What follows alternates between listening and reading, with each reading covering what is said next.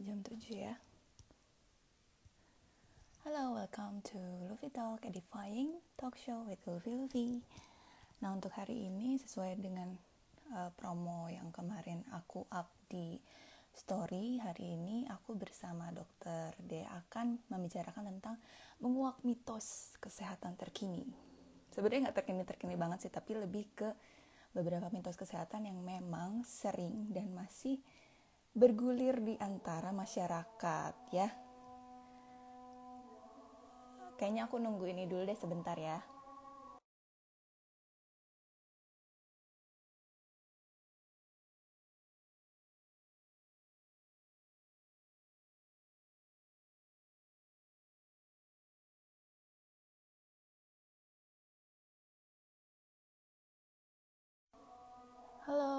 Welcome to Luffy Talk, edifying talk show with Luffy Luffy. Sambil menunggu Dokter Dea, ini kita kemarin uh, sebenarnya udah banyak beberapa pertanyaan yang nanti akan ditanyakan. Thank you, Ira. Jadi aku invite dulu ya.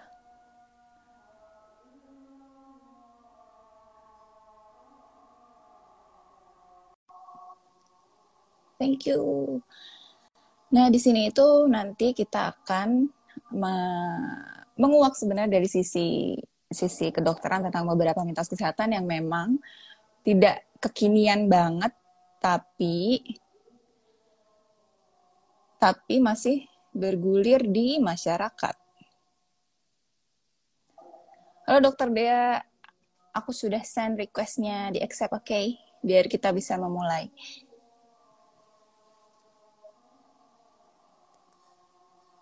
Nanti ini mungkin biar nggak terlalu kaku, nanti aku akan mencoba untuk memberikan kayak bukan storytelling, lebih ke kayak uh, kasus kasus diceritain gitu. Jadi kan kita sehari-hari itu misalnya dari bangun tidur atau, atau misalnya kerja itu kan bisa macam-macam mitos-mitos yang dihadapi gitu loh.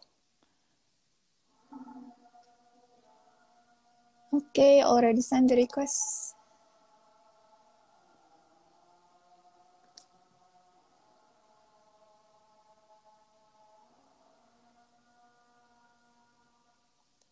Nanti acara ini event, acara talk show Luffy Talk ini kurang lebih itu durasinya uh, kurang lebih 30 menit. Jadi kalau misalnya kalian mungkin ada pertanyaan juga tambahan, nanti bisa langsung tulis aja di kolom komen di bawah nanti sekalian sekalian bisa dijawab juga.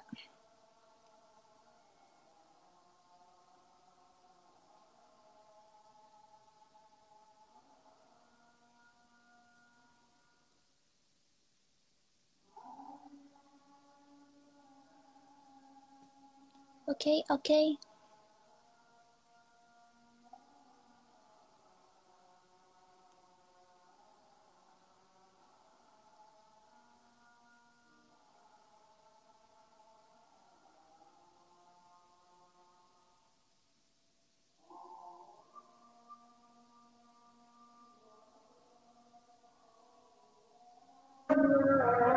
Hai.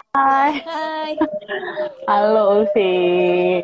Halo Dokter Dea, selamat malam. Terima kasih sudah menyempatkan waktunya ya untuk mengisi mengisi corner baru dari IG Live dari okay. akun ini, ya kan? Iya. Nah, di sini mungkin tadi sebelum sebelum dokter Dea join, aku sudah menceritakan bahwa nanti diceritakannya tentang sebuah kasus atau cerita seseorang anonim lah istilahnya ya. Nanti diceritain dari awal misal dia kerja atau apa, nanti dia akan berbenturan dengan mitos-mitos kesehatan yang mungkin ada gitu loh. Jadi kita ngalir okay, aja okay. gitu ya. Soalnya kemarin juga ada beberapa yang sudah masukin pertanyaan gitu loh. Mm -hmm. Oke. Okay. Tapi nanya dulu dokter dia sehat. Sehat, syukurlah. Ulfi gimana? Oh, untungnya aku juga sehat. Semoga kita sehat, sehat terus dong. ya. Habis dinas nggak Bu? Bu dokter habis, dinas nggak Bu?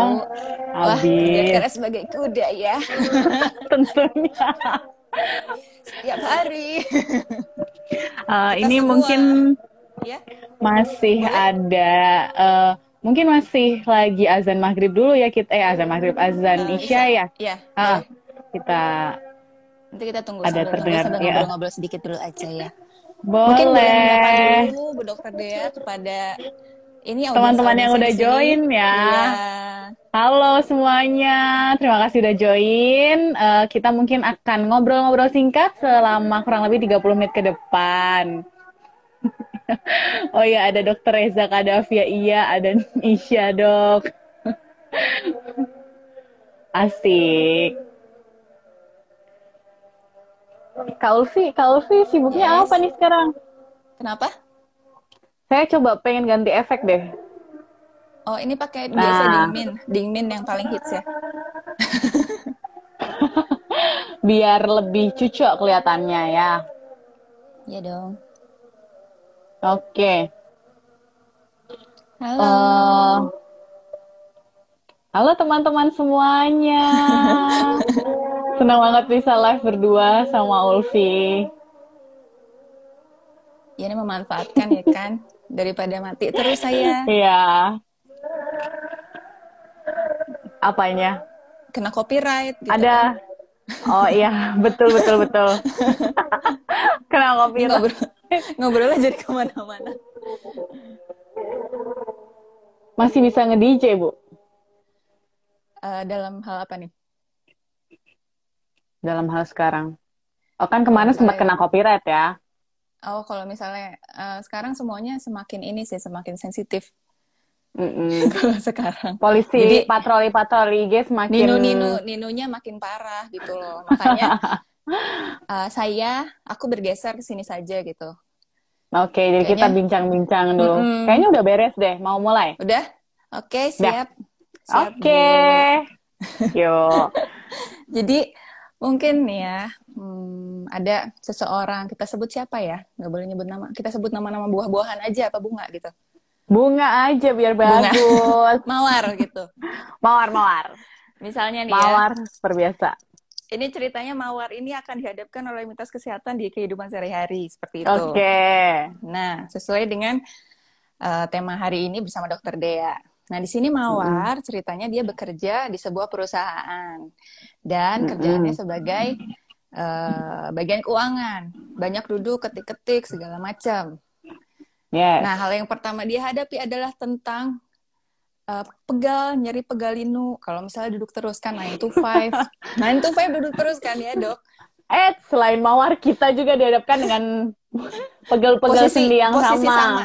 posisi sama Mm-mm. apa gitu nah nah biasanya kalau orang kan kebiasaan nih gini tangannya cetlek Mm-mm. tuh bunyi kan cetlek kalau nggak pinggang cetlek Iya. cetlek nah gitu nah itu tuh sebenarnya itu bunyinya tuh dari mana dan juga kan orang tuh biasanya kesannya tuh relief gitu kalau nggak enak gitu kalau udah bunyi Iya, apalagi kalau bunyi ya nah itu sebenarnya Tapi jujur Oh. enak kan emang. eh, enak kan Iya. enak sebenarnya kan kayaknya wah udah bunyi nih udah pasti jadi fit lagi bisa kerja lagi nih nah tapi sebenarnya Mm. kalau misalnya membunyikan sendi kayak gitu itu tuh sebenarnya eh, ada efek samping nggak sih dan sebenarnya itu bunyinya tuh dari mana sih dok gitu Oke, jadi eh, ketika kita menggertakkan sendi-sendi ya biasanya paling sering itu sendi-sendi jari tangan. Eh jari-jari tangan ya benar. Eh Betul. ini bunyinya itu berasal kan itu dari rongga, rongga sendi. Rongga sendi lalu kalau kita cetrekin gitu itu semacam gasnya keluar. Eh nah, ini biasanya orang-orang yang nanya eh, dok, ini nggak apa-apa nggak sih akan mengakibatkan sesuatu? Katanya nanti sendinya aus atau gimana? Itu sebenarnya ada ada benarnya loh, karena eh ya kebiasaan-kebiasaan terse- tersebut sebenarnya nggak berbahaya, tapi bisa menyebabkan cedera Hmm. gitu. Jadi eh, kalau misalnya kita kan biasanya cekrek-cekrek biasa, nggak Hmm. ada kayak efek samping selanjutnya ya kayak oh ya udah enakan aja gitu. Jadi kita Hmm. lanjut-lanjutin. Cuman Hmm. kalau misalnya memang nanti gitu terus gitu terus kok waktu dicetrekin sakit, hati-hati nanti mulai radang sendi tuh. Gitu. Hmm. Jadi sebenarnya yang perlu diwaspadai adalah ketika eh, dia bisa mengakibatkan cedera sendi akut. Gitu. Nah, kalau misalnya cedera sendi aku tuh taunya dari mana sih, Dok? Gitu. Mm-mm. Udah sering cetek-cetek Dari terus gejalanya. Apa sih yang bisa kita lihat atau kita rasa? Nah, eh, ketika nggak ada apa-apa, nggak ada problem, setelah cetek-cetek tadi tuh kita kayak, oh ya udah biasa aja, santai gitu. Tapi kalau misalnya udah mulai ada cedera, si sendi kita nanti dia akan mulai kita nggak nyaman rasanya sakit, Hmm. ya. Mhm. Itu mulai ada radang. Pertama Hmm. yang pasti ada kerasa sakit.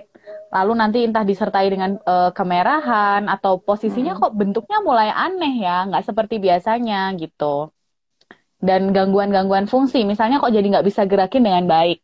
Mhm. Seperti itu kurang lebih. Oh, seperti itu ya. Jadi kalau misalnya selama Mm-mm. kita eh, misalnya sering atau nggak sering, tapi selama belum ada gejala, tapi ya kalau bisa jangan ya. Kalau bisa jangan terlalu Eh, makanya sering. sebenarnya kita tidak menyarankan untuk cekrek-cekrek tersebut gitu. Cuman Mm-mm. ya kita nggak bisa apa ya kita nggak bisa. Kadang-kadang memang itu kayak it comes naturally karena udah kebiasaan. Kayak udah Cuman ngeliat orang terus kayak oh pegel nih gitu Mm-mm. ikut-ikut juga. Heeh. ya makanya untuk eh, para orang tua yang udah punya anak disarankan untuk tidak mencontohkan hal tersebut di depan anaknya karena kan itu membentuk kebiasaan baru untuk mereka gitu. Mm-mm. Oh, baiklah. Jadi gitu ya. Gitu. Jadi ya. gitu ya, Lus. Gini panggilan di sini Lus gitu ya. Hey Jadi gitu ya. Lus. Jadi gitu ya, Lus. Kalau misalnya ngetrek ya kalau bisa ya jangan.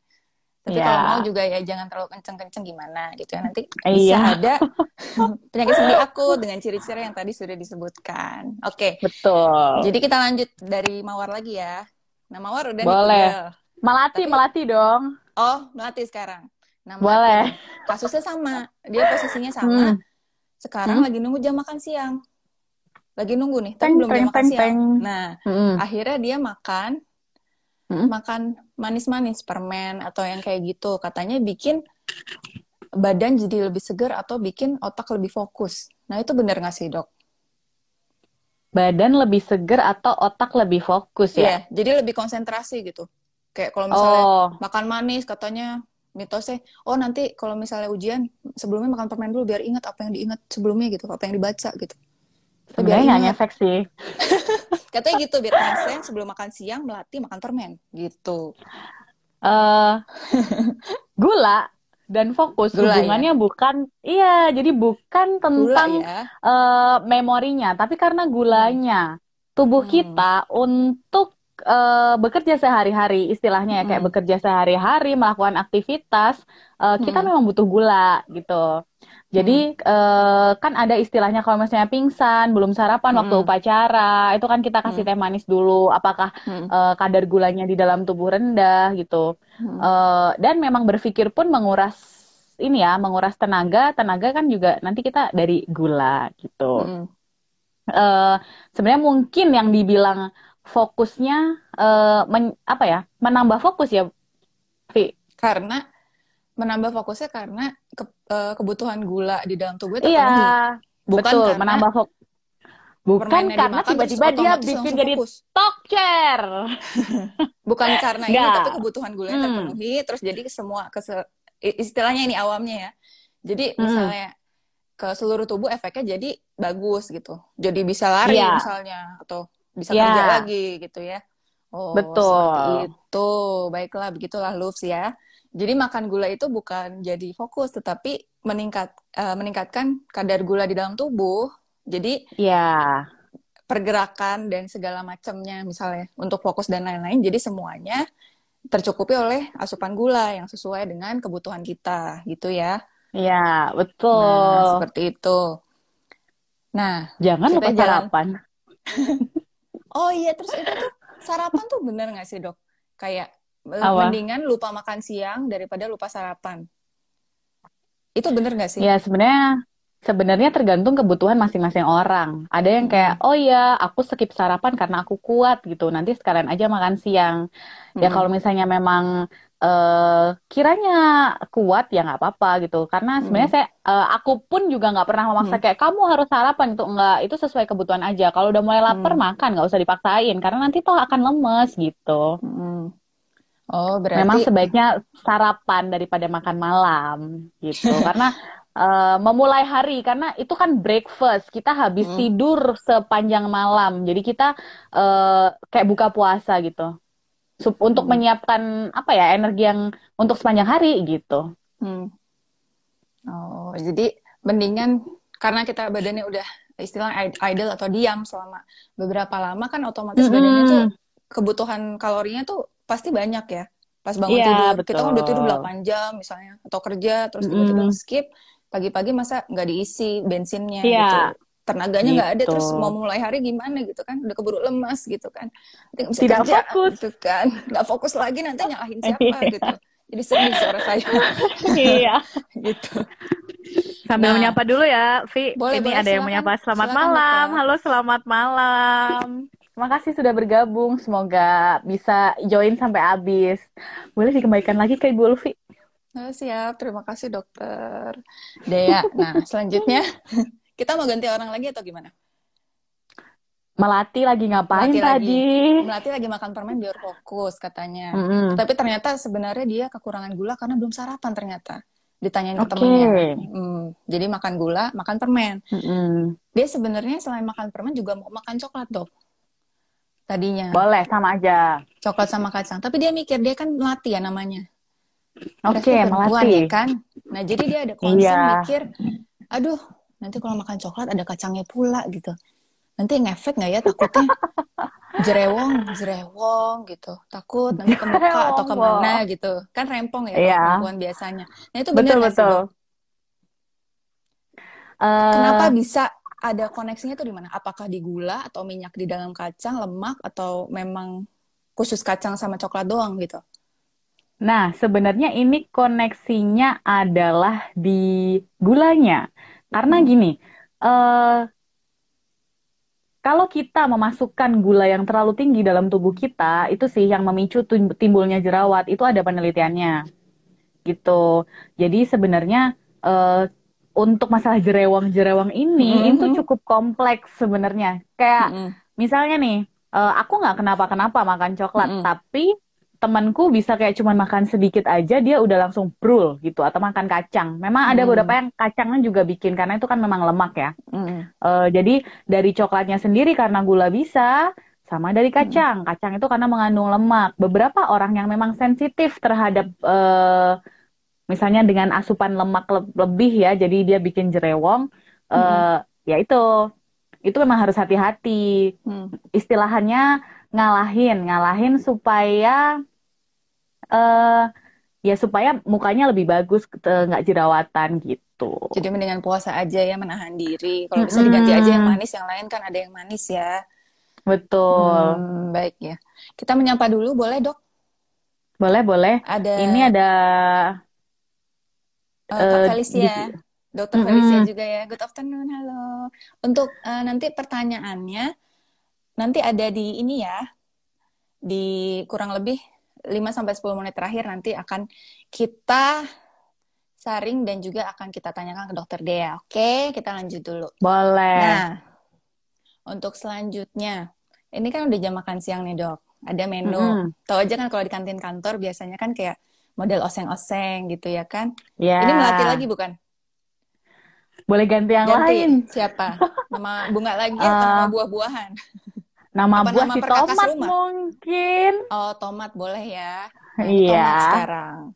Tomat sudah sudah jam waktu makan siang, terus ngelihat menu oseng-oseng dong. Terus ngelihat ada toge hmm. nih. Oke. Okay. Tahu kan toge ke mana nih? gitu kan. Tahu Apakah sih. benar? Nah, toge itu dapat meningkatkan kesuburan. Mm -mm. Pria. Ini kan pria, mungkin tomat ya. Apakah okay. itu benar, Dok? Hmm, untuk meningkatkan kesuburan ya, sebenarnya kalau cuma makan toge satu ton tapi gaya hidup dan yang lain-lain gak dijaga itu sebenarnya kurang juga. Karena uh, untuk kesuburan pria dan wanita itu dipengaruhi berbagai macam faktor gitu. Jadi kalau cuma dari toge doang, aku rasa sih nggak bener ya. Uh, karena kan dia juga toge itu terbuatnya dari kacang kedelai dan dia basicnya hmm. akan uh, meningkatkan estrogen. Dia fitoestrogen karena oh. sifatnya adalah dari luar gitu, hmm. dari kedelai itu sendiri. Nah, jadi sebenarnya kalau dibilang jadi bikin subur kurang tepat juga gitu. Hmm. Karena panel kesuburan tuh banyak loh gitu. Hmm. Lebih baik kita menjaga uh, pola makan kita uh, dengan cukup buah, cukup sayur, tidak terlalu banyak yang junk food, junk food, terus karbohidratnya, gula-gula tersebut yang berlebih juga dihindari. Jadi kita istilahnya menghindari penyakit metabolik, hmm. gitu. Jadi uh, supaya produksi sperma bagus, supaya uh, hormon pada wanita juga baik, gitu ya. Uh, sama merokok. Nah, hmm. olahraga sama merokok itu juga menurutku sih lebih penting melakukan hal tersebut daripada mengonsumsi uh, toge yang memang belum tentu ini ya belum tentu improve kesuburan hmm. dia gitu. Mm-mm. Berarti ya, berarti ya lo, berarti perhatikan nih, yang mau meningkatkan kesuburan tuh lebih baik tuh secara keseluruhan holistik badan dibenerin dulu, jangan masuk masukin dari luar doang gitu tuh nggak ada ngaruhnya kalau badannya udah udah agak-agak kurang bagus gitu ya. Kayak mobil udah rusak hmm. tapi pengen bagus dicat doang kan tetap aja dalamnya rusak ya gitu kali ya. Iya. Nah, gitu tomat ya kan. Lanjut. Lanjut. Nih ada uh, satu lagi pertanyaan tentang uh, makanan. Sekarang minuman nih. Minuman. Mm-hmm. Tomat kan uh, makan dong. Pasti minum kan, Dok? Iya. nah, mungkin ini kondisi badannya yang uh, karena dia mau punya anak atau apa jadi tadi makan toge terus minumnya minum air dingin. Nah katanya okay. tuh air dingin tuh bisa bisa bikin lemak beku. Jadi kalau misalnya makan barengan lemak tuh kalau bisa jangan minum air dingin atau itu gimana sih dok? gitu. Ngomongnya gitu sih orang-orang. Serem serem banget bu tiba-tiba minum air dingin bikin, lemak gua beku. Bikin bikin lemak beku katanya katanya gitu Enggak sih, jadi uh, sebenarnya itu semua salah. Uh, hmm. Penjelasannya adalah uh, kan kita punya minum masuk mulut kan, mulut masuk hmm. dalam kerongkongan gitu. Hmm. Uh, air atau apa pun yang masuk ke dalam tubuh kita itu pasti akan uh, suhunya disesuaikan dengan suhu tubuh. Jadi kalau hmm. misalnya udara aja, udara dingin, dan kita nggak beku kan, badan dalam kita nggak beku kan. Hmm gitu hmm. ya itu karena uh, ketika kita masuk udara dalam hidung si hidung ini akan melakukannya menyeimbang uh, me menyamakanlah suhu supaya uh, sama sama suhu tubuh begitu juga kalau kita minum es gitu. Hmm. Kalau misalnya kita minum es, suhu berapapun makanan dan minuman yang masuk ke dalam tubuh kita, tubuh kita akan menye menyamakan dengan suhu tubuh. Jadi waktu hmm. masuk ya udah suhunya sama aja. Jadi dia nggak akan bikin lemak kita beku, dia nggak akan bikin apa tadi? Darah lemak haid ya? beku, ya? Uh, kalau misalnya di perempuan mungkin uh, ke situ. Mikirnya orang-orang, uh, uh, katanya uh. bikin darahnya nggak bisa keluar jadi nggak lancar, menstruasi seperti itu. Nggak sebenarnya. Jadi itu semua salah. Kalau misalnya memang mau minum air dingin ya nggak apa-apa nggak apa-apa aja nggak akan bikin lemak beku. Yang hmm. nggak boleh itu kalau yang bikin bukan bikin lemak beku sih biasanya bikin minum air dingin bikin gendut ya nggak? Hmm, hmm, hmm. Ya, air dingin kalau ditambah sama susu kental manis sama sirup ya iyalah bikin gendut. Jadi kalau airnya doang kan zero kalori ya sebenarnya. Iya Malah betul. ada Jadi untuk menyesuaikan dingin ke suhu tubuh ya, ada kalori digunakan iya. ya di situ. ya bisa lah. Cocok lagi. Itu jadi jadi iya, iya. Uh, kalau air putih doang nggak masalah. Terus kalau hmm. untuk yang masalah haid mungkin uh, beberapa dari kita perempuan-perempuan ini kalau misalnya pas haid kan perutnya suka nggak enak, suka hmm. kram, suka mules hmm. tuh. Uh, mungkin lebih eh, le kalau minum air dingin tuh lebih ini ya di perut tuh lebih nggak enak jatuhnya hmm. gitu jadi uh, kalau minum yang hangat-hangat mungkin lebih enak karena di perutnya pun lebih nyaman rasanya gitu hmm. sih Oh begitu, baiklah begitu loh mm-hmm. Kalau misalnya air dingin tuh nggak ngaruh karena zero kalori, bikin seger dan nggak yes. bikin dan nggak bikin gendut dan juga lemak beku. Menstruasi juga bisa mens aja, tapi kan kita ada kebutuhan misalnya kalau ciri-ciri tuh kalau pengen uh, menghilangkan nyeri-nyeri kram perut misalnya kan enakan anget-anget kan daripada dingin mungkin yeah, seperti betul. itu lebih ke situ ya baiklah yeah. nah ini un mungkin untuk beberapa pertanyaan terakhir nih kita juga ada satu pertanyaan dari komen kita hubungannya agak sedikit nyenggol-nyenggol ke uh, ke penyakit-penyakit masa kini gitu ya Boleh. Ya, boleh ya. Nah, mungkin Boleh. dimulai dulu karena kita tadi nyambung makanan. Ini dari komen ada Mm. dari Kak Sylvester Edric ya. Mm-mm. Dok, mau tanya kalau sedang positif COVID apa boleh mengkonsumsi seafood seperti itu, Dok? Oke, jadi basicnya kalau misalnya memang sedang terkena COVID, mau makan apa aja boleh. Kalau yang dihindarin sih biasanya minyak-minyak, goreng-goreng, kerupuk pedes-pedes gitu ya. Eh, standar untuk makanan yang dihindari waktu radang. Karena kan eh, kadang eh, biasanya COVID itu menyebabkan gejala pernafasan. Jadi kita menghindari makanan-makanan yang makin bikin nggak enak di tenggorokan Hmm. atau di hidung gitu sih. Jadi makan apa aja boleh. Makan aja apa aja boleh ya, Dok? Hmm, begitu. Yang penting mengurangi makanan-makanan yang berpotensi untuk meningkatkan radang di sekitar daerah pernafasan dan juga tenggorokan. Seperti Iya, itu. eh, Paling tambahannya, Vi, Mm-mm. eh, kalau misalnya gejalanya mencret, kadang kan COVID juga gejalanya mencret tuh. Mm-mm. Mm-mm. Nah, eh, ya kalau mencret berarti ya pedes-pedes, asam gitu jangan dulu. Hmm, baiklah. Nah, kan efek samping, kalau misalnya vaksin tuh, kan ada pantangannya mungkin tadi makanan. Nah, kalau misalnya efek samping lain kan mungkin nggak beberapa, nggak semuanya ya dok. Tapi ada beberapa yang panas. Eh, Misalnya? vaksin. Ah, ah, dari vaksin. Oh, iya ya, setelahnya Ah, ah. kan. Nah, setelahnya, Hmm. setelahnya efek sampingnya ada Hmm. panas. Nah, kalau misalnya untuk penanganan panasnya sendiri tuh apakah perlu misalnya kayak kalau misalnya waktu kecil kan bisa diselimutin atau misalnya dibalur terus atau misalnya dikasih air Hmm. dingin. Nah, untuk penanganan pasca vaksin efek samping dari vaksin tersebut sebaiknya di bagaimana sih, Dok? Dibagaimanakan gitu untuk panas.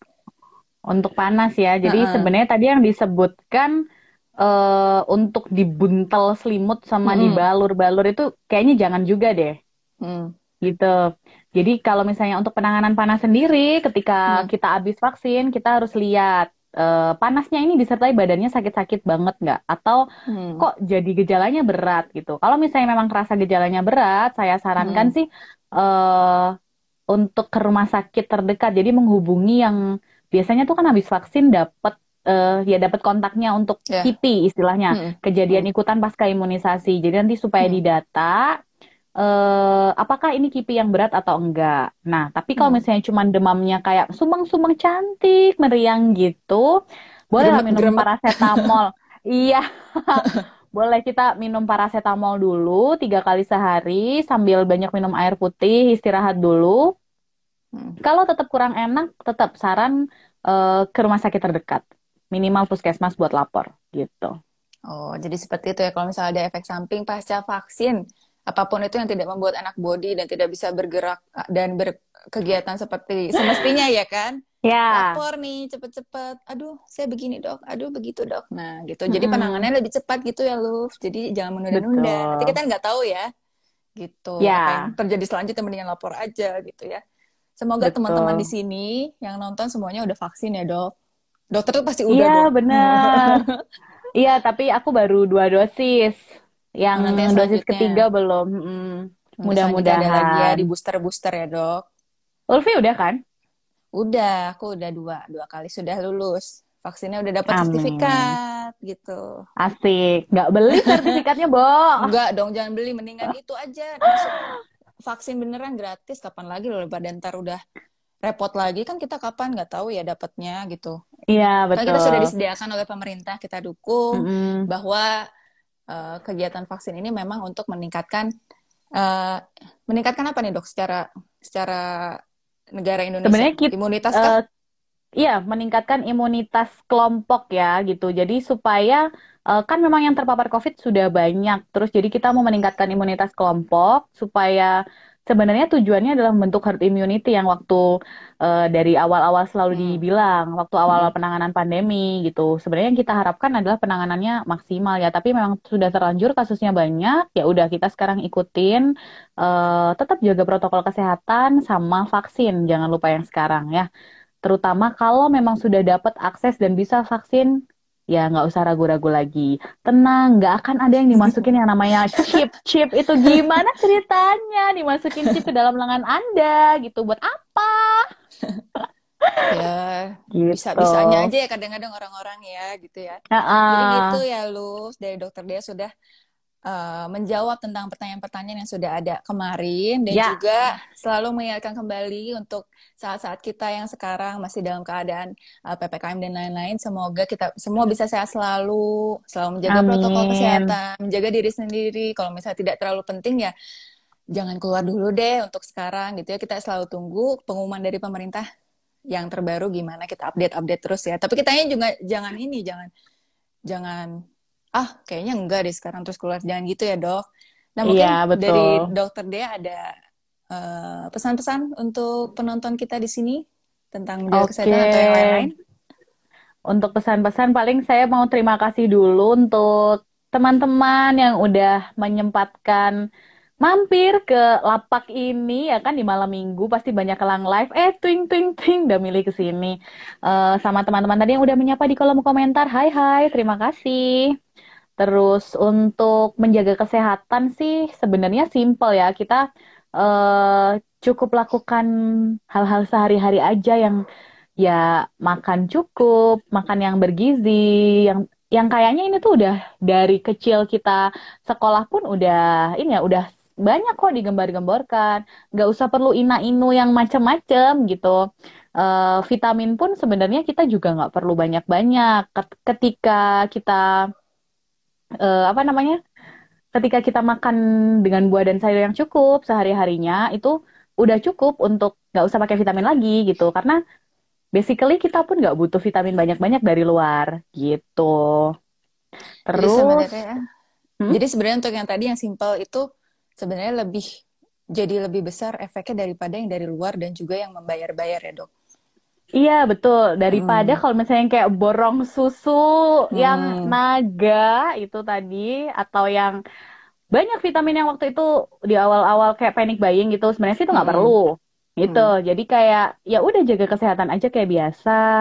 eh happy, tidur cukup, istirahat cukup, minum air putih yang banyak.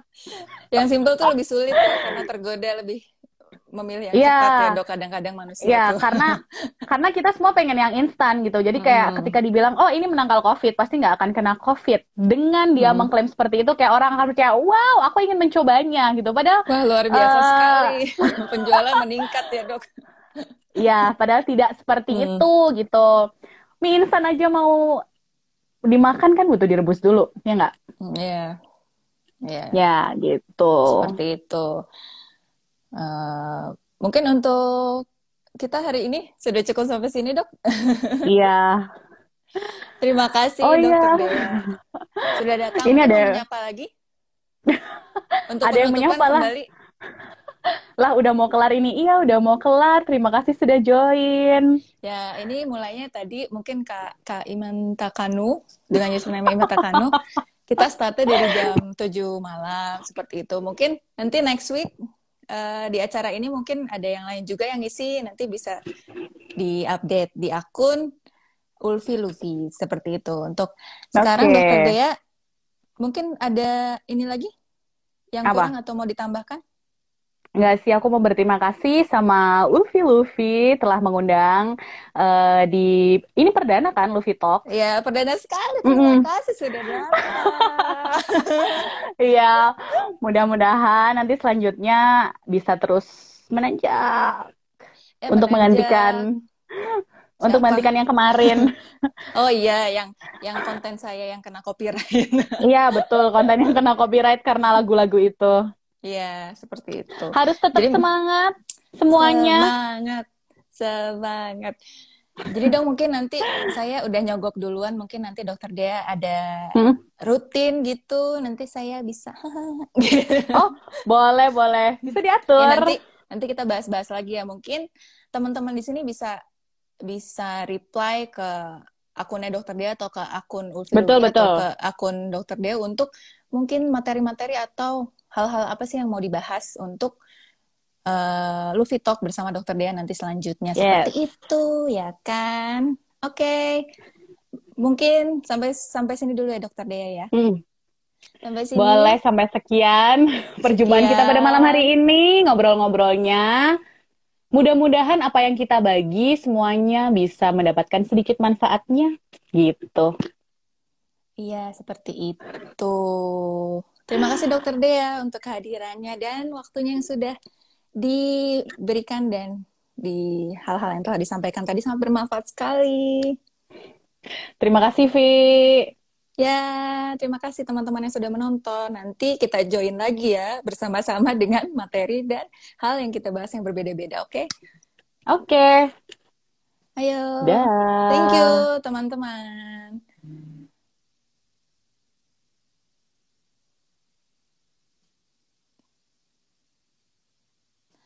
Uh, thank you teman-teman di sini kepada audiens-audiens pada para Lufs. Di sini saya panggilnya Lufs untuk para penonton dari akun Ulfi Luffy.